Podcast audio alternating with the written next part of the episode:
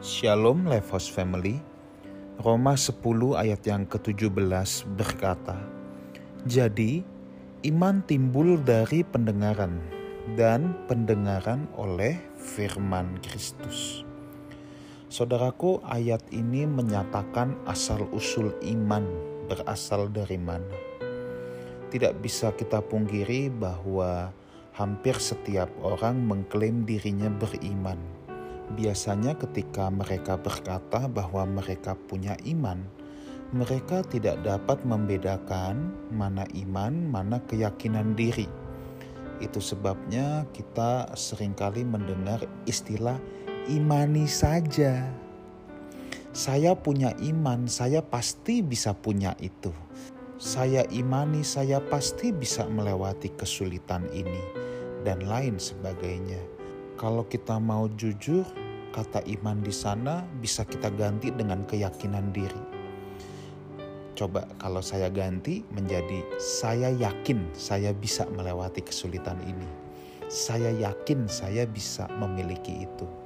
Jadi apa beda keyakinan diri atau PD istilahnya percaya diri dengan iman?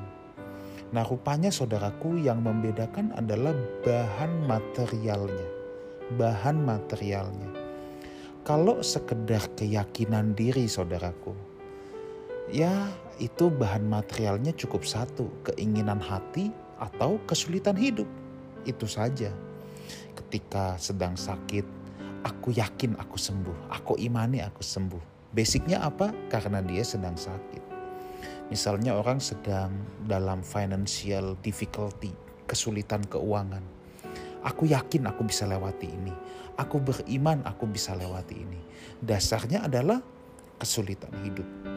Tetapi sekarang kalau kita belajar tentang iman saudaraku, bahan materialnya bukanlah kesulitan hidup. Alkitab berkata, bahan material iman adalah pendengaran. Pendengaran apa? Firman Kristus.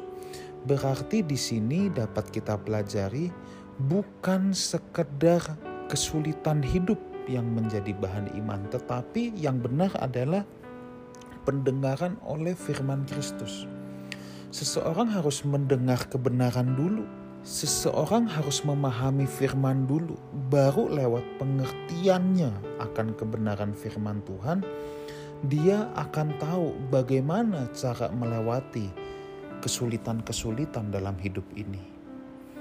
Jadi, titik epicentrumnya itu bukan pada kesulitannya, tetapi pada kebenaran firmannya dulu. Jadi mustahil saudaraku seseorang bisa beriman tanpa dia mendengar firman Tuhan. Mustahil seseorang bisa beriman tanpa dia betul-betul menghayati kebenaran firman Tuhan. Itu sebabnya sebagai orang percaya kita tidak boleh percaya atau mengklaim percaya tanpa pengertian. Percaya tanpa pengertian ya seperti yang dari tadi kita katakan bahwa asal ada kesulitan aku yakin loh dasar keyakinanmu apa?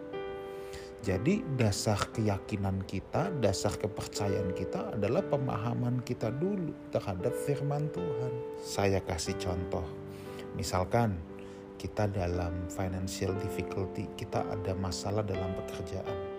Apa yang membuat kita tahu bahwa kita bisa melewati semua ini? Yang membuat kita tahu kita bisa melewati semua ini adalah satu.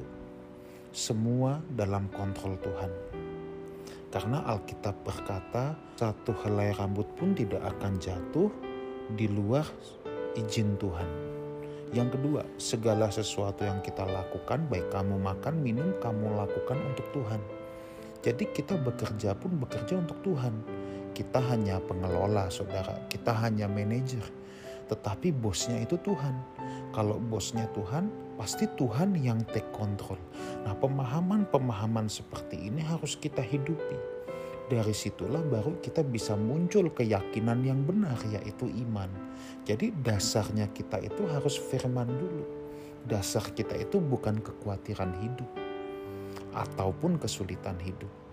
Kiranya renungan ini bisa memberkati kita semua dan men-trigger kita untuk serius memiliki iman yang benar dengan pemahaman akan kebenaran firman Tuhan yang akurat. Tuhan memberkati kita semua. Haleluya.